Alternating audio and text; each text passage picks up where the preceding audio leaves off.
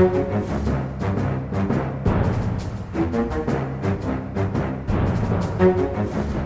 kjører vi på med en ny episode av Aftenpodden USA. Kristina Pletten er snart tilbake på jobb for fullt etter skadeforfallet. Du sitter i hvert fall i Oslo og ser mer fornøyd ut enn du gjorde i forrige uke. God dag, god dag. Hei, hei, Øystein. Ja da, her går det bare fremover. Og det er jo litt gøy òg, fordi at eh, vi endelig skal få snakke om det som vi skulle snakke om for to uker siden. Pluss at det har skjedd ganske store ting i USA siste uken. Så jeg gleder meg til å sette snakketøy i gang i dag. Ja, veldig bra. Jeg er altså Øystein Langberg, USA-korrespondent. Eh, Jeg lever jo da nydelige dager i New York og på Manhattan for tiden. Det var jo sånn at faktisk eh, grensene åpnet igjen i går. De har vært stengt siden midt i mars, men nå kan altså europeere reise inn, brasilianere reise inn, eh, kinesere Det er mange land da, som ikke har kunnet komme inn. Og i går var det sånne der, mediene her borte fulle av sånne mm, Love Actually-scener hvor folk klemmer på flyplassen. og, og jeg har jo fått liksom unntak til å komme, kunne reise frem og tilbake fordi jeg er korrespondent og sånn. Men det er jo helt slående øh, hvor mange som ikke har det. Altså søsken som ikke har sett hverandre på, ja, siden mars 2020, da. Det var et intervju med en spanjol som bare hadde reist ut av USA og ikke kommet inn igjen. Alle klærne hans var her, han jobbet her, alt sammen. Han bare har ikke kommet inn siden mars 2020. Betyr det at dere nå får et ras av besøkende fra Norge som skal endelig ta igjen alt det tapte med New York-tur og greier? Det gjør det. Broren min sitter faktisk allerede på et fly nå. se. eh, og jeg skal få en kamerat i, på besøk mot slutten av uka, så nå bare renner det inn. Det har vært veldig fredelig. Jeg sitter jo faktisk, har kontor på gjesterommet her, og det har altså ikke vært et menneske på dette gjesterommet siden vi flytta over. Så nå blir det andre boller. Du ble jo nedrent i din tid etter Kristina, da du var korrespondent her. Ja da, det var bra med besøk, det må jeg si. Det var ikke, var ikke så mye ensomme stunder. Nei. Det var koselig det, da. Ja, veldig koselig. veldig koselig. Og så må jeg bare si, eh, bli med i Facebook-gruppa vår, Aftenpodden USA. Der er det masse spennende diskusjoner. Eh, vi får mye ris, og så får vi ros. Og vi må jo bare si at vi får ikke svart på alt, heller ikke risen. Vi, skal, vi prøver da å få svart på det aller meste, men vi ser også at det, noen ganger når folk har kritiske merkninger, så er det andre som svarer, og så blir det en diskusjon mellom, mellom deltakere i gruppa, og det er sånn vi håper at, eh, at det skal være. Men vi påstår ikke at vi sitter med alle svarene, eller at våre takes alltid er de riktige, og vi tåler at folk påpeker ting, og vi tar det av og til bare med oss liksom, inn i de videre diskusjonene mellom oss to òg. Så Ja. forhåpentligvis blir det en bedre podd av det. Vi Ja. får bare dessverre ikke svart på absolutt alt. Og kjempefint at det blir diskusjoner som også kan være diskusjoner, og ikke bare sånn enda med sånn eh, drittslenging og, og personangrep. Ja. Så so far so good, altså. Jeg må si at jeg syns det funker veldig bra. Ja, bli med, bli med Aftenpodden USA på Facebook. Du, i dag, så som du sa tidligere, som du har gleda deg stort til, så skal vi snakke om critical race theory. Et konsept vi jo har nevnt i podden flere og flere ganger det siste året, men som vi aldri liksom har tatt ordentlig fat i for å snakke liksom om hva det er for noe. Det har blitt ekstremt mye omtalt etter dette guvernørvalget i Virginia i, i forrige uke. Så i dag skal vi snakke om hva er critical racery, hvorfor skaper det så voldsomt sinne og engasjement rundt om i USA, hvor stort er dette fenomenet egentlig, og hva er de politiske konsekvensene det kan få. Men aller først så har vi vår faste spalte siden sist. Og det har jo skjedd litt av hvert siden sist. Vi hadde jo en episode i forrige uke hvor vi snakket om at Joe Biden hadde sin dårligste dag kanskje på jobb til da. I hvert fall tangerte det noen av disse Afghanistan-dagene. Men så snudde alt, og så hadde han en kjempegod avslutning på uken. Kjempebra jobbtall for da sånn forrige måneden, og så justerte de da i tillegg opp anslagene for de foregående månedene. Så arbeidsmarkedet i USA ser mye sprekere ut enn det egentlig har gjort. Og så enda viktigere, da så ga venstresiden i partiet, det demokratiske partiet, endelig etter og gikk med på å stemme gjennom denne tverrpolitiske infrastrukturpakken, som egentlig har ligget klart siden i, i sommer. Og så er det ikke riktig å si at venstresiden ga helt etter, for det var faktisk en god del folk som ikke stemte for. Så demokratene ble faktisk reddet av 13 republikanere da, i huset, som fikk Bidens pakke igjennom. Men dette er jo en stor dag for Biden, og en sårt etterlengtet seier. Ja, absolutt. Og kanskje har Biden hørt på podkasten vår, fordi at eh, den fredagen så eh, la han vel egentlig eh, på si, hodet på blokken og sa at nå må dere bare få dette gjennom, dette går ikke lenger. Og, og både han og Nancy Pelosi tok sats og hoppet, egentlig. Og ble vel, som du sier, mer eller mindre reddet av disse 13 republikanerne da. Den hadde ikke gått igjennom uten deres stemmer, fordi at det var seks Nei. demokrater som stemte imot. Men eh, det er en stor dag, og det er faktisk eh, ganske sjelden at så store ting blir stemt gjennom på denne måten, med tverrpolitisk eh, flertall. Det var jo 69 stemmer for i Senatet. Eh, og denne pakken er en sårt tiltrengt løft for USAs infrastruktur. Dette er ja, jo Det er ikke bare en sårt tiltrengt seier for Biden. Nei, og det er liksom eh, Jeg vet vi har snakket ganske mye om det her, og jeg er veldig opptatt av det fordi at jeg har sett det landet forfalle i 30 år. Og det er ja. så utrolig trist å se på. Men her ligger det altså masse penger til mye rart. Blant annet 66 milliarder dollar til jernbane. Og de som har tatt tog i USA, f.eks. mellom eh, New York og Washington Washington eller nordover til Boston, har jo sett eh, hvor skranglete det kan være. Da. Så det er eh, virkelig et stort ja. løft, spesielt for jernbanen. Jeg må bare si at jeg har da tatt det toget noen ganger, og det føl følelsen er at du kjører på sånn gamle norske lokaltogskinner, bare mm. altfor fort. Det er den mm. følelsen. De har, liksom, ja. de har ikke hurtigtog, de bare kjører i sånn halvveis hurtigtogtempo på et veldig veldig svingete. Det er helt, en helt ja. en unik opplevelse. Selv de aller nyeste togsettene, det rister og rister. Det går nesten ikke an å sitte og skrive på en datamaskin, f.eks. Alle, sånn, alle jekslene løster i kjeften. Og så er det, eh, det er ganske mye penger til bredbånd. 42 milliarder dollar til ut, utbedrelse av bredbånd. Og så er det en del skuffelser, kanskje. F.eks. flyplassene har bare fått 25 milliarder eh, dollar. De trenger visst rundt 100 for å bare sånn komme opp mm. til sånn noenlunde standard, da. Eh, og det er jo noe som vet mange amerikanere skammer seg over, de der eh, Bare for å bytte ut vegg-til-vegg-teppene, for ja, eksempel? for eksempel. Og så er det altså eh, 36 milliarder til utvikling av grønn energi. Men der er en del av pengene øremerket til karbonfangst og hydrogen. Mm. Og ting som kanskje en del eh, folk som er opptatt av klima, ikke vil synes er sånn helt prima pengebruk, da. Og dette var vel en av grunnene til at blant annet Alexandria Ocasio-Cortez stemte mot. Eh, så mm. mye penger, kanskje ikke nok penger på alle felt, men det er i hvert fall et viktig skritt i riktig retning. Og eh, det kan jo også gi en liten sånn miniboost til økonomien. Det vil skape rundt en halv million nye jobber, i hvert fall eh, i ganske mange år fremover. Så i det store og det hele så tenker jeg at det, dette her var veldig positivt for eh, både demokratene og for USA. Ja, Nemlig. Og så får vi bare si vi lagde en, en, stor episode om infrastruktur tidligere i år, så det går an å søke opp og gå tilbake og, og høre på. og Vi går litt sånn dypere inn i hvor, hvor behovene er mest skrikende, da. Og så vil jeg bare ta med et, punkt, et, lite punkt til. Vi snakket jo om at republikanerne vant guvernørvalget i Virginia, og at det var uavklart i New Jersey forrige uke. Nå er det klart at, at demokratene vant i New Jersey. Det ser ut som seiersmarginen der faktisk var litt større enn den marginen republikanerne vant med i, i Virginia. Fortsatt et elendig resultat. Demokratene går faktisk mer tilbake i New Jersey enn i, i Virginia. Men det er verdt å merke seg da at demokratene raskt erkjente nederlaget i Virginia, men at republikanerne ennå ikke har erkjent noe nederlag i New Jersey. Så denne litt sånn eh, megadystre trenden fra 6.1 og fra i fjor ja. fortsetter egentlig. Og det har også vært vært liksom påstander om at det har vært juks der. Så det er jo en del republikanere da, som tydeligvis tenker at hvis, hvis, de vinner, så er det legitimt, og hvis de taper, så er det juks. Skal de drive og telle om eh, stemmer og holde på med sånne ting, eller? Det kommer litt an på hvor stor seiersmarginen blir til slutt. De, de vil fortsatt ha teller stemmer i New Jersey, eh, men det er ingen tvil om at demokratene har vunnet der. Men ja, la oss komme i gang med hovedtemaet, Kristina. Critical race theory. Og jeg må bare si det er litt vanskelig å vite hvor man skal starte på dette svære, svære feltet. Hele debatten er sånn svevende, anekdotebasert. Noen personer snakker om noen ting, andre personer snakker om noe helt annet. Det er et vepsebol. Vi kan ikke si at vi kommer til å gjøre alle leserne, lytterne, tilfreds med vår debatt, men vi skal i hvert fall prøve. Uh, og jeg tenker vi, vi, skal ikke bruke veldig mye tid på historien, men det er verdt å si at det finnes en del definisjoner av critical race theory, eller CRT, da, som vi kan kalle det. Men opprinnelig så var det en teori og et analytisk rammeverk for analyse av institusjonell rasisme uh, i USA. Og så er det sånn at De akademikerne som måte forfekter CRT, de mener at USAs lover og USAs institusjoner de er grunnleggende rasistiske, og de viderefører da sosial, politisk, økonomisk ulikhet mellom etniske grupper. Så det er en idé om en systemisk rasisme da, som, som preger det amerikanske samfunnet, som ligger til grunn her opprinnelig.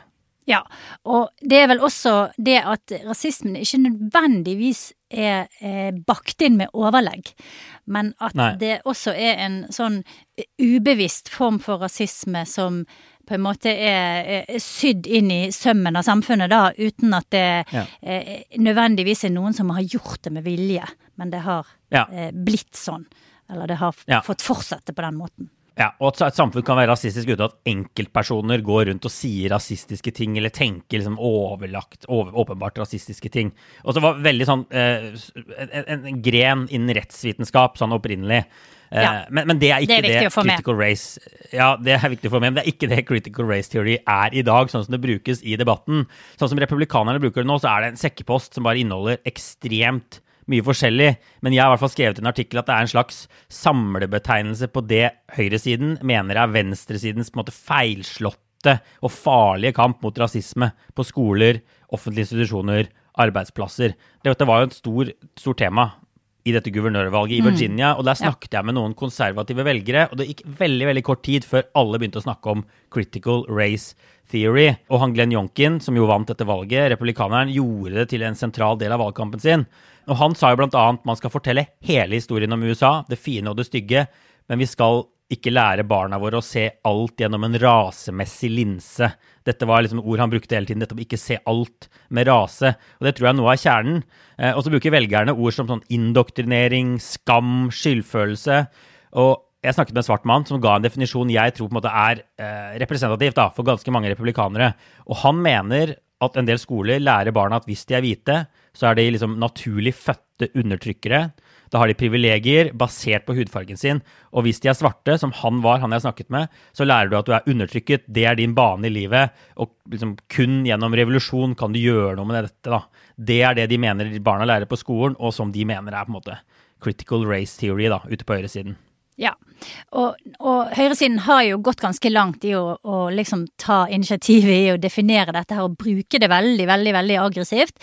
Eh, Ja. Og så skal det jo sies at fra venstresiden og fra de som er opptatt av eh, rasespørsmål og fordommer og ulikhet, eh, på andre siden så ser de veldig annerledes på dette her. Så er det snakk om at det er, som vi snakket om innledningsvis, rasisme som ligger innebygd i eh, samfunnet i USA. I både måten skoleverket fungerer på, i måte loven fungerer på. Spesielt kanskje loven eh, er man opptatt av, ikke sant.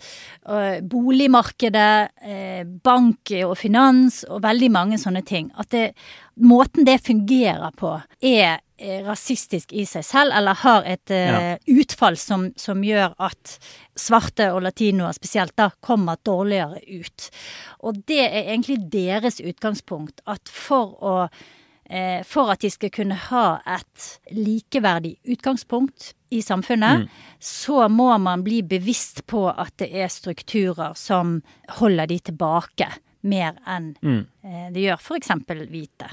Og så eh, Ja. eh, kan man jo diskutere i hvilken grad det er riktig, da, men, men det er på en måte et poeng å forstå at de på høyresiden som er opptatt av dette her, og de på venstresiden som er opptatt av det, de kommer eh, med, med kjempeforskjellige utgangspunkt, og diskuterer egentlig ikke på, på, eh, på en lik arena. De diskuterer ikke den samme tingen.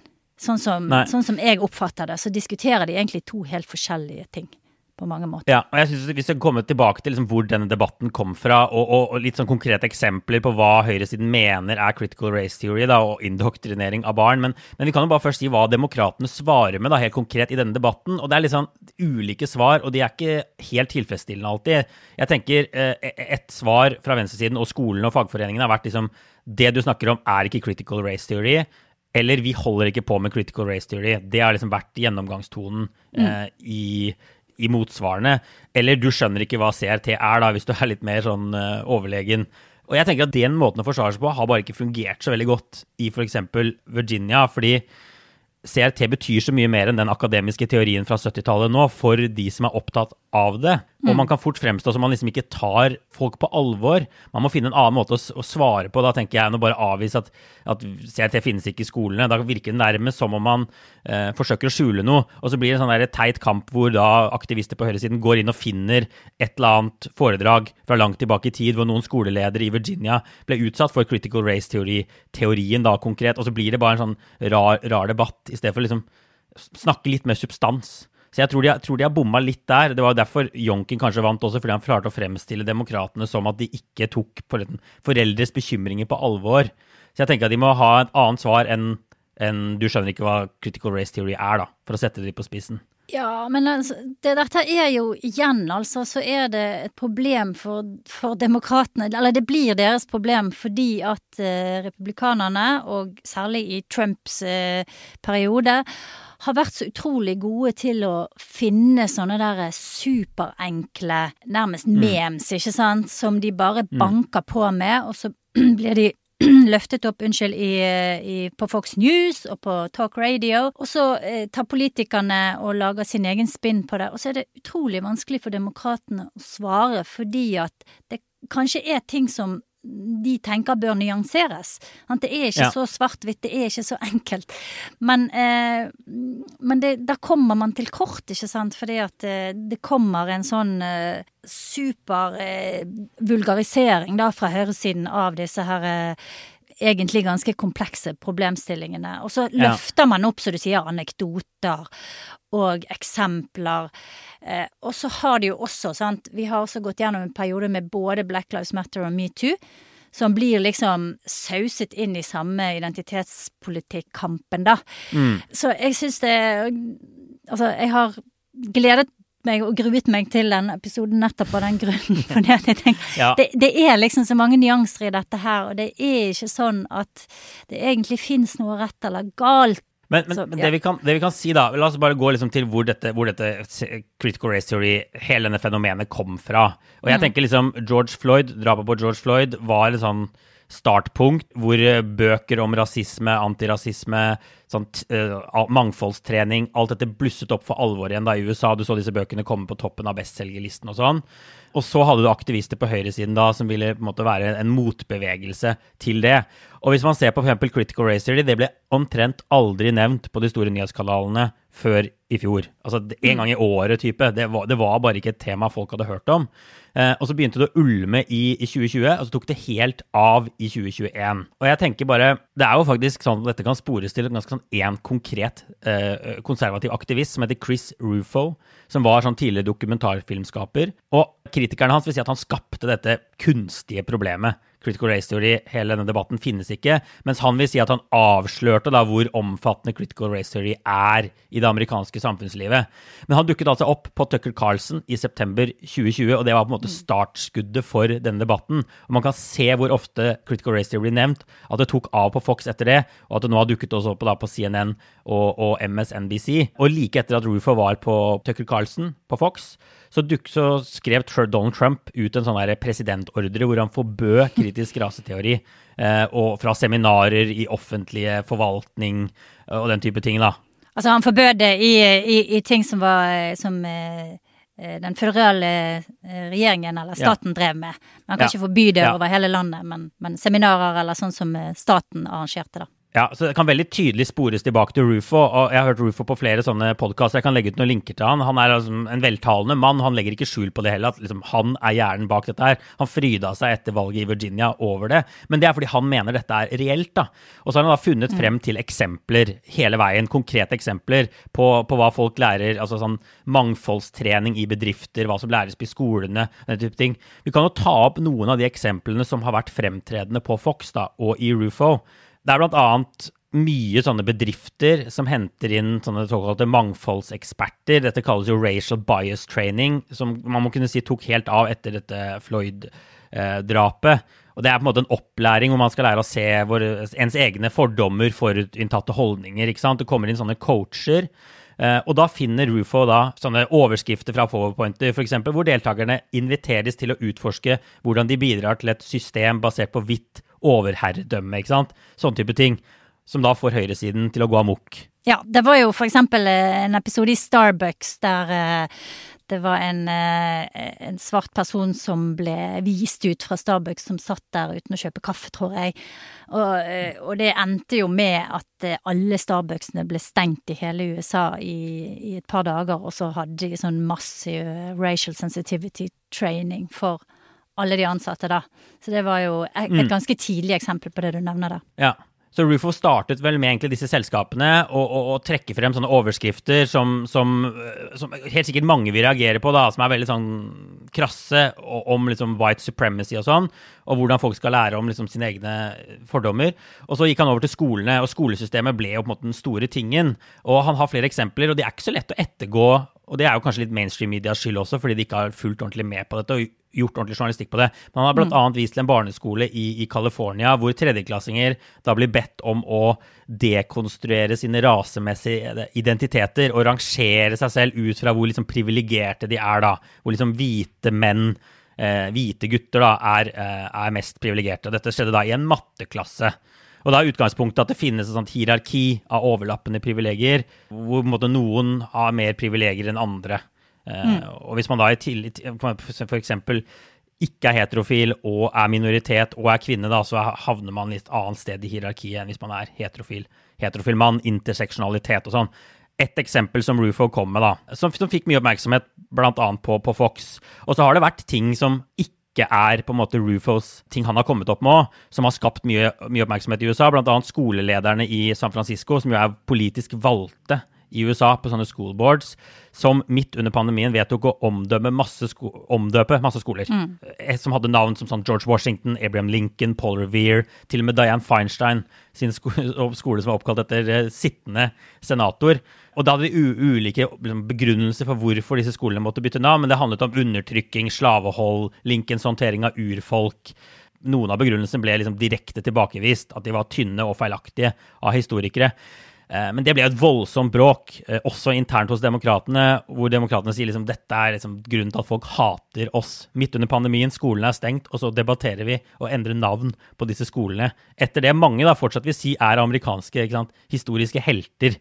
Selv om de åpenbart har sine mørke sider, alle sammen. Ja, altså det er jo Skoler og utdanningsinstitusjoner og universiteter har jo spilt en utrolig sentral rolle i dette her, og også i det som handler om cancel culture, eh, identitetspolitikk, som egentlig er sånn eh, tema som egentlig grenser litt ja. inn mot critical race theory, da. Og det er jo kanskje naturlig, fordi at det er jo steder der man eh, prøver ut nye teorier, der man skal egentlig ha en mm. åpenhet for å diskutere og, og, endre også læreplanen ettersom verden utvikler seg, da. Eh, mm. Men nå er det jo også mange delstater som har innført lover mot å diskutere ikke bare critical race theory, men også egentlig alt som har med, med current events å gjøre. At f.eks. for eksempel Texas da har, eh, mm. har, har, har, eh, vedtatt en lov om at på skole så kan man ikke diskutere ting i samfunnet uten at man liksom presenterer begge sider av saken med like mye fokus og så videre og så.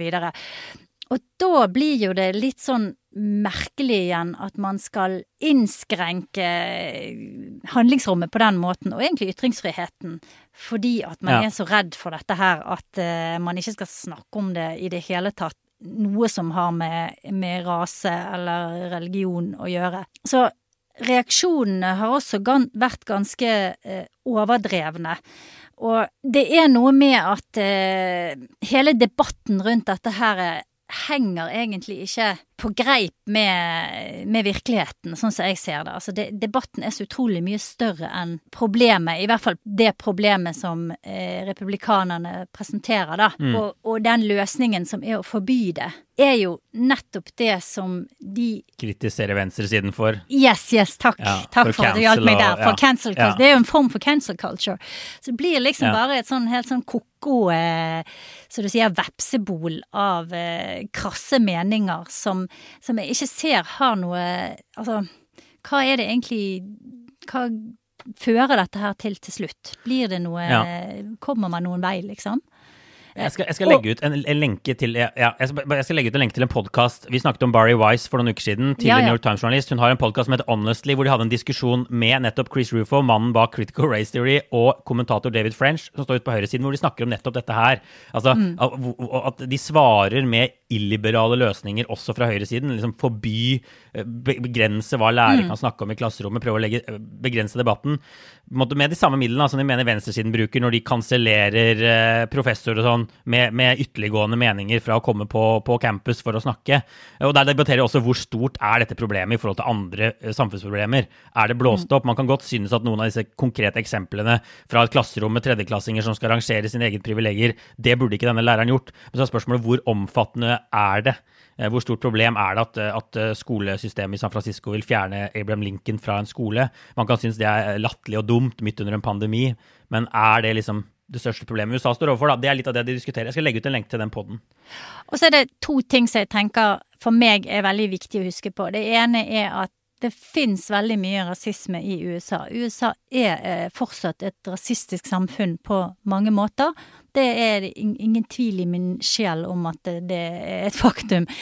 Og så er det sånn at det er også et samfunn der veldig mange hvite mennesker opplever undertrykkelse og eh, økonomisk eh, eh, undertrykkelse, og også klassemessig, tenker jeg, undertrykkelse, og har gjort det i alle år. Og det er en, et aspekt av det amerikanske samfunnet som jeg tror annet Trump var veldig flink å gripe fatt i, og som mm. ligger under, tror jeg, mye av suksessen til republikanerne med å nå fremme denne her mot pushen mot critical race theory, at de sier det at ingen skal skamme seg over å være hvit, og det er veldig mange hvite som heller ikke ikke har noe eh, makt og, og, og, sitter liksom på sin høye hest og kan undertrykke andre. Og det ja. er jo en sånn konflikt som har eh, en veldig lang historie i USA. Den konflikten mellom fattige hvite og eh, svarte.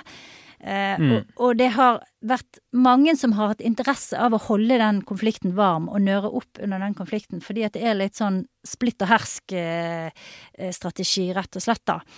Og jeg må bare, bare, bare, si, bare, si, akkurat det at noen av de mest, Det har vært masse bråk på disse skoleledermøtene, mm. foreldremøtene, og noen av de mest sånn hjerteskjærende tingene jeg har hørt og sett. og Man vet jo aldri hvem disse folkene er som står og skriker, men det er sånn eh, små barn som sier liksom, et hvit jente eller gutt, jeg husker ikke hva det var, som, som har vært i fosterhjelp og liksom, ja, ja. misbrukt av foreldrene, og så sier liksom Hvordan kan du kalle meg privilegert? Hvorfor skal jeg liksom rangere som topprivilegert i et sånt system? Jeg har ingen privilegier i det hele tatt. Det er også sånn som slår veldig hardt inn i denne debatten. Og som, som du sier, da, kan bruke, brukes også litt sånn splitt og hersk-messig. Ja. Eh, men helt sikkert masse hvite som ikke kjenner seg igjen i et sånt hierarki av privilegier i det hele tatt. Det er en veldig god bok som, som tar opp akkurat dette her som heter White Trash, som eh, tar opp eh, tar, Egentlig går gjennom hele historien til fattige hvite i, i USA fra, fra, starten av. Som er kjempegod, som, som, på en måte gir en veldig sånn god bakgrunn for å forstå akkurat den eh, konflikten der òg. Men, men, det gjør det så utrolig mye eh, vanskeligere og mer sårbart. Og så er det jo det at det er heller ingen tvil om at spesielt afroamerikanere som er, eh, er nedstammer fra slavene, har en posisjon i det amerikanske samfunnet som er veldig utsatt. De, de har dårligere helse, de kommer oftere i fengsel, de gjør det dårligere på skolen, og mange, mange, mm. mange andre ting. Eh, men det samme gjelder eksempel ikke innvandrere fra Afrika som kommer til mm. USA for å studere. De gjør det mye bedre. Eh, også i, i, skoleverket.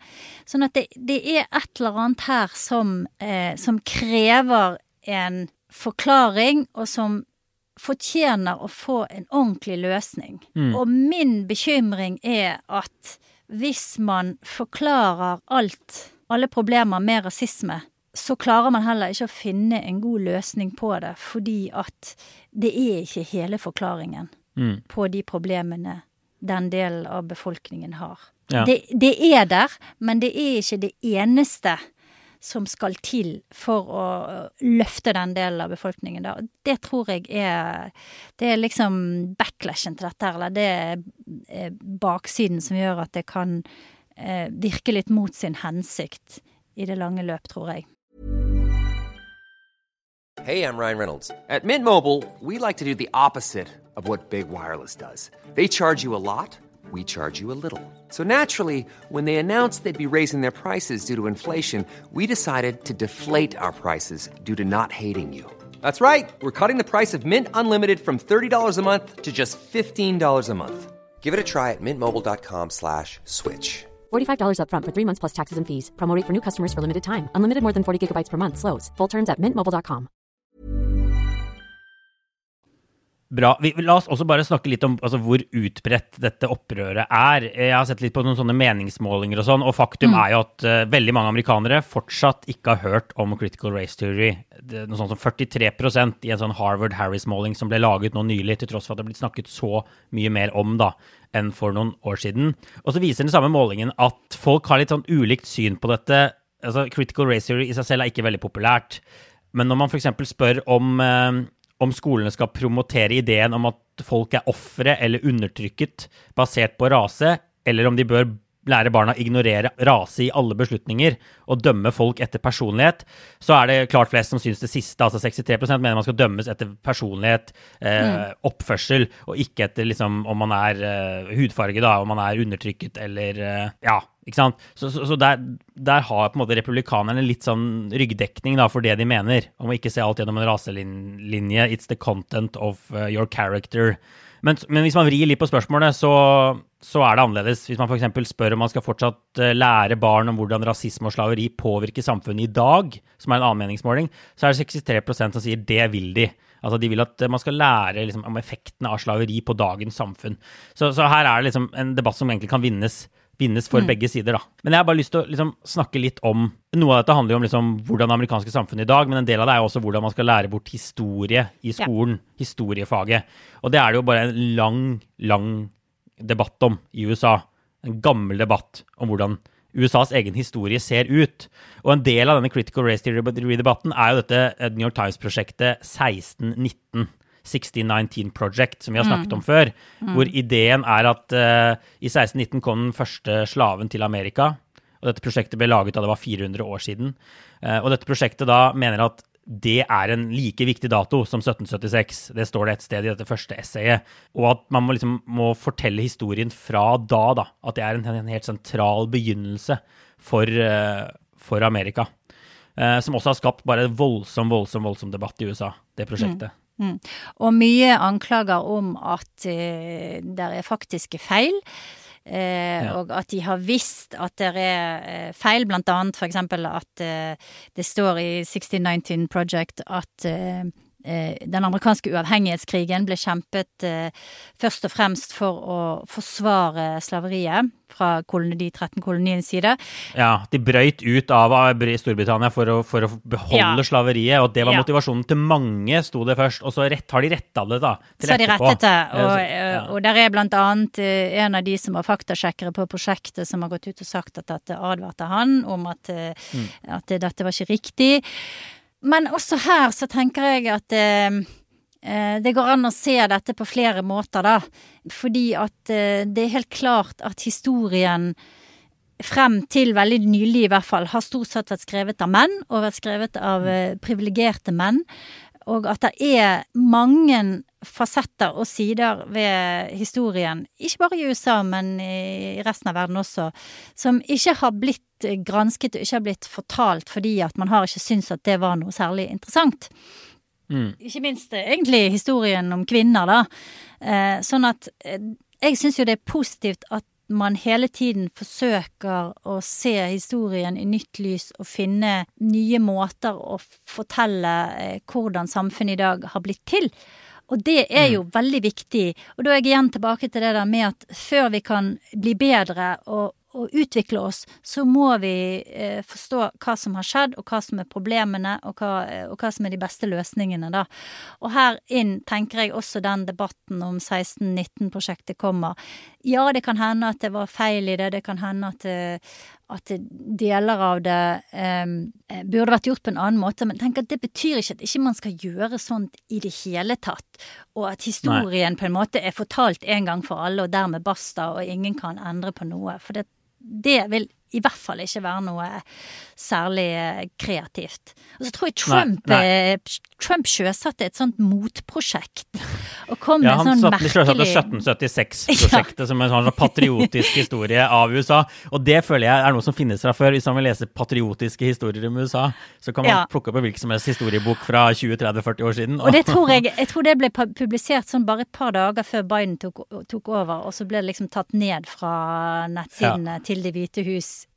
ti minutter etter at eh, han gikk inn eh, og tok over makten, da. Ja, ja. Så det er, altså, 1619, det er noen veldig provoserende ting som provoserer mange amerikanere som står inne der, som at liksom rasisme sitter i USAs DNA, ikke sant. Det er kanskje først og fremst ikke et land som har kjempet for demokrati, men først og fremst et land som har kjempet for å beskytte slaveri og sånn.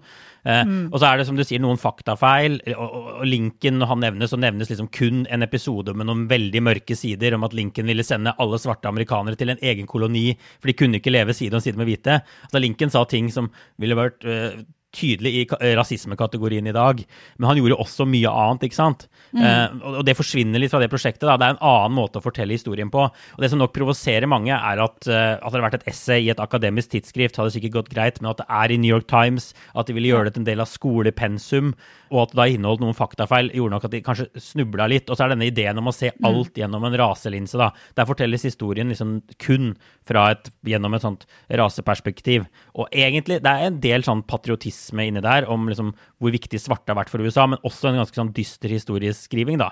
Helt annen historieskriving enn Obama f.eks. drev med. Om at USA ikke har levd opp til idealene sine, da, men at de har noen idealer som er verdt å kjempe for og sånn. Eh, litt mer eh, mørkt i 1619. mm. Definitivt. Altså, samtidig så må jeg si, jeg er litt sånn usikker på hvordan afroamerikanere skal nå igjennom med, med et budskap om at dette trenger mer oppmerksomhet, da. Nå har de forsøkt, ikke sant, siden 50-tallet i hvert fall, eh, på forskjellige måter, og fortsatt så har de ikke liksom klart å få ordentlig gehør for mye av det de har eh, slåss for. Eh, det, På 90-tallet ble det innført lover eh, som var eh, egentlig utrolig rasistiske, ikke sant. Disse her narkolovene som gjorde at veldig mange eh, svarte menn spesielt eh, havnet i fengsel. Så jeg forstår på en måte at, eh, at det er litt sånn nok er nok, og nå så tar vi det helt ut i andre retningen. Jeg vet ikke om det, om det til slutt, liksom summa summarum, vil, vil føre til en mer sånn positivt, liberalt eh, samfunn, eller om det bare vil eh, hardne kanten og føre til mer og mer konflikt. Jeg er veldig usikker på det, altså. Ja. Det kan nok hende du sier det med å ta det helt i andre retningen, at det var litt det som skjedde etter George Floyd, da. Og at man har sluppet inn noen sånne coacher som kanskje har eh, litt for altså, Jeg ser i hvert fall at det er en del pushback nå mot eh, critical race theory. Og de mer sånn ekstreme variantene av den, også på venstresiden. Eh, og det skjer nok også nå når de ser at, at de kanskje, dette er blitt en veldig sånn potent og nyttig sak for, for republikanerne. da. Og Vi må kanskje til slutt snakke litt om liksom, er dette en politisk vinner, og hva bør demokratene egentlig gjøre her for, for å svare på det her? Eh, de må nok finne på noe annet enn å bare si critical race theory, vi lærer ikke det barna våre i skolen, du vet ikke hva det er for noe. Det må de nok eh, slutte å si. Jeg, hadde bare lyst til å ta ett eksempel som jeg syns er så bra, da, og, og nærme deg, egentlig. Det er noe som heter Stuyvesant High School i, i, i New York. Som er den beste offentlige skolen, det beste high school du kan komme inn på hvis ikke du har mm. penger til å gå på privatskole. Eh, og den har veldig strenge oppdragskrav, sånne prøver som du må gjennom. Og av 749 elever i år, så var det bare åtte svarte elever som kom inn. Men det er ikke sånn at den skolen er full av rike, hvite skoleungdommer. Det er nesten bare asiater, og veldig mange av de asiatene kommer fra familier med lav inntekt. Så hvorfor klarer de asiatiske innvandrerne med lav inntekt å kjøre seg gjennom disse prøvene og bestå de, mens nesten ingen afroamerikanere, tross at de har satt inn tiltak, de har forsøkt å gi de hjelp med prøvene, de har sånne outreach-programmer, de har forsøkt all verdens ting i New York, men likevel så går det ikke.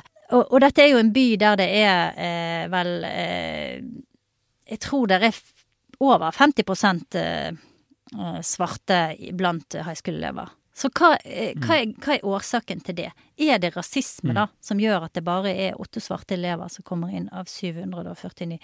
Jeg syns at eh, det er liksom sånne konkrete ting eh, der jeg lurer på om critical race theory egentlig er en hjelp eller en byrde, fordi at det kanskje står i veien for å, å finne ordentlige løsninger som faktisk kan hjelpe flere elever å Ja. komme inn. Sant? Mens, Ja. mens en, del, en av løsningene som har vært foreslått, er f.eks. å kvitte seg med disse prøvene, eller, eller eh, lage andre prøver som er lettere, men Eller selvfølgelig å, å, å, å gi de eh, Hva heter det Å kvittere inn svarte elever, da. Men Ja. da vil du igjen sant, svekke Svekke institusjonen. Så jeg vet ikke. Men jeg, ja. Ja, nei, det, er- det er kjempevanskelig, og det er også sånn og Akkurat det med sånn, flinkeste elevene De har sånne superklasser i New York. Jeg tror de er fra de er fire. Altså, det er jo en helt sånn legitim debatt om hvor tidlig skal man spisse og sånn, men også det blir sauset inn i hele den der critical race theory-debatten. Så det er, det er veldig vanskelig. Eh, men det er som du sier, men de mer radikale kreftene vil da si liksom dette er rasistisk, vi må legge ned sånne klasser, alle må gå på, i samme klasse fordi vi skal ha uh, altså, vi, Svarte må gjøre det like bra som hvite. altså Det er en sånn equality of outcome-debatt også. At så lenge liksom det er underrepresentasjon av svarte, så er det rasisme i systemet. Sier jo de mer sånn radikale røstene i denne antirasismedebatten og sånn. Men, men, men bare, bare la oss til slutt bare si altså, hva bør demokratene gjøre? Det er åpenbart at critical race theory-debatten har fungert for å liksom appellere til grunnfjellet. Eh, Men i altså New Jersey, da, hvor demokratene også gikk kraftig tilbake i forrige uke, så var det ikke en veldig stor del av debatten. Og de går kraftig tilbake der også. Så jeg tror ikke liksom critical race theory er nøkkelen til alt her. Eh, Men jeg tror demokratene skal liksom være klar over at liksom politisk korrekthet og begynne å snakke et sånn akademisk språk for eksempel, som ingen andre snakker, hvor de fremstår som sånn distanserte fra folket, det er noe de skal passe seg for, da. Alltid. Eh, og Latinx, vi har snakket om det før, er en sånn sekkebetegnelse på latino, latina og andre kjønnskategorier, uh, som jo har blitt liksom mainstream media tatt i bruk ganske mye. Mange ledende demokrater, gjerne hvite demokrater, men så brukes da av 3 av latinoer selv, ikke sant? Som, som er sånn, Selvfølgelig skal man utvikle språk og sånn, men det er spørsmål om liksom, demokraten noen gang går i en sånn felle, da. Og i verste fall så, så fremstår de som hyklerske, de bruker et sånt fancy språk, men de får ikke gjort noe med liksom, de reelle problemene. De bygger ikke nok hus til la, lavinntektshus i California eller New York. Ja. De gjør ikke noe med det, da. de bare snakker sånn akademisk språk for å vise at de, de tar mangfold på alvor. Det er, liksom, det er liksom det verste demokratene kan gjøre, da, tenker jeg. Ja. Eh, men jeg, jeg har ikke noe godt svar på akkurat hvordan de skal møte denne debatten. Det må jeg si.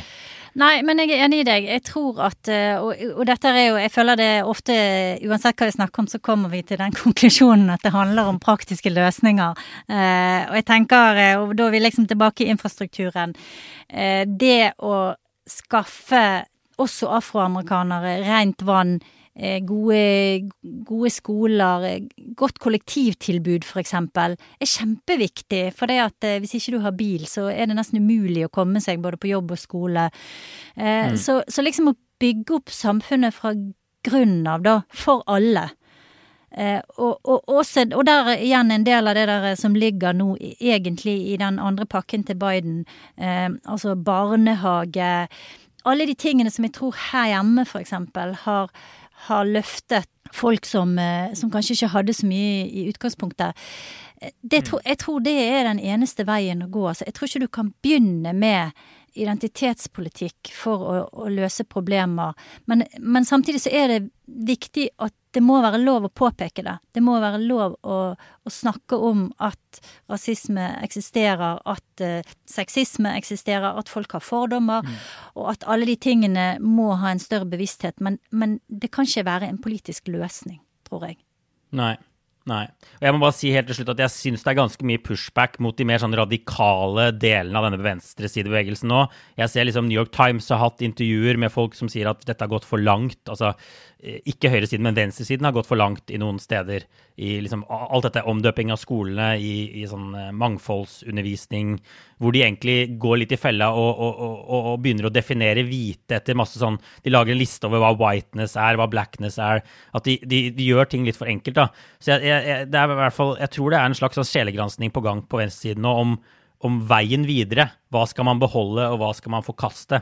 Etter George Floyd, Om man kanskje litt, litt, gikk litt for langt over i den ene grøfta. Men det, det jeg tenker er i hvert fall at det er vanskelig å vinne altså Disse kulturkrigene er noe av det republikanerne er best på. Og, og, og, så lenge liksom valget, valgene fremover blir kulturkriger, så kommer demokratene til å slite med å vinne.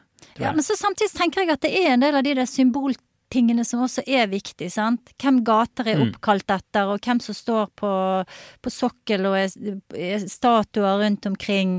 Hvem som er på pengesedler. Det, det er jo ting som man ser hver dag, og som liksom representerer hvem samfunnet setter pris på og syns uh, har Mm. en, en verdi, da. Og du var jo nettopp i Charleston, og det, det, den byen er et veldig godt eksempel. For der står det fullt i sånne der uh, hvite helter fra borgerkrigen rundt om på forskjellige svære søyler. Og ja. tror jeg det står Der er liksom én statue inni en busk av en sånn eh, svart eh, borgerrettighetsforkjemper, eller eh, som kjempet mot slaveriet, da. Så, så Ja. Jeg tenker at det er viktig at venstresiden fortsetter å holde fokus på disse tingene her. At de ikke lar seg presse til stillhet, men at de gjør det på en måte som er smart og konstruktiv for deres egen sak. Ja. Veldig bra, Kristina. Eh, dette har vært en lang og interessant diskusjon. Eh, jeg tror det er på side å sette strek og gå over til OR før vi passerer timen her. Hva har du tenkt på siden forrige uke, egentlig? Du, jeg har en litt sånn lett og tullete OR denne gangen, siden vi hadde så alvorlig tema. Ja. Eh, jeg liker jo eh, ofte å sitte og se litt på sånn tull og tøys på nettet, og syns at folk er utrolig kreative og flinke til å finne morsomme vinklinger og, og gjøre mye sånn eh, oppfinnsomt og gøy, da. Ja. Både på Instagram og TikTok og andre steder. Og så har jeg eh, oppdaget en fyr som heter Lubalin.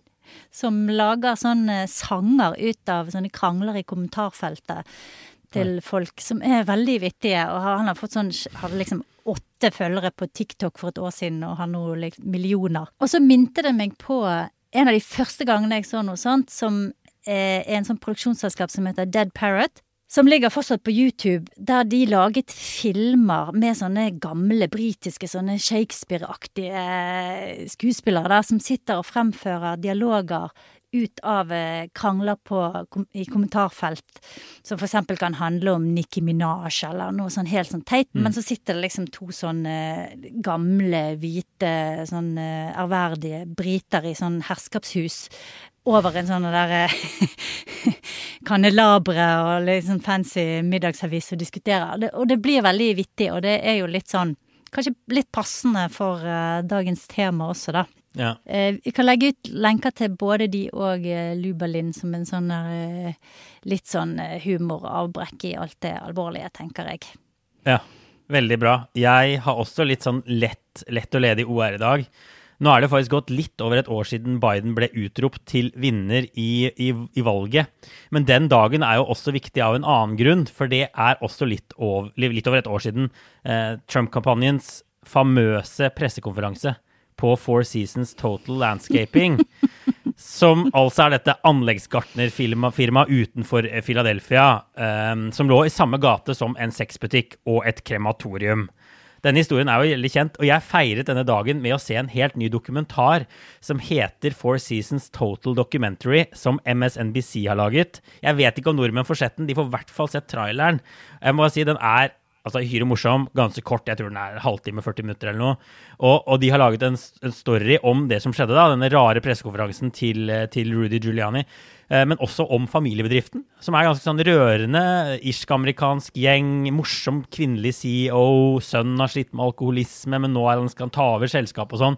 Og historien er jo at de slet skikkelig økonomisk før denne pressekonferansen, og så trodde de jo alt hadde gått i dass etterpå. De fikk så mye hatmailer og sånn, men så snudde de det rundt, og så begynte de å selge T-skjorter og lage memes Ja. og sånn, og så er det bare en sånn amerikansk gledeshistorie. Så det ender som en sånn episode av ekstrem oppussing hvor alle gråter, og det er utrolig morsom eh, dokumentar, må jeg bare si. Så jeg håper Ja, det kommer riktig. til Norge følger senere òg. Ja, vi får se om vi kan finne en måte å se det på her. Ja, og så er det fortsatt uklart hva som skjedde, da. De har ikke kommet til bunns i det, men de mener, altså hovedteorien er at dette ikke var en misforståelse. Oh. At det faktisk var meningen at de skulle ha den på dette landscape-stedet, fordi det lå så nærme sånn påkjøring til motorveien. Det er liksom hovedteorien nå, da. Eh, og at Trump-kampanjen var helt konk, så de hadde ikke penger, de måtte ha noe som var gratis. Altså, Høres ja, litt høres rart ut. veldig rart ut.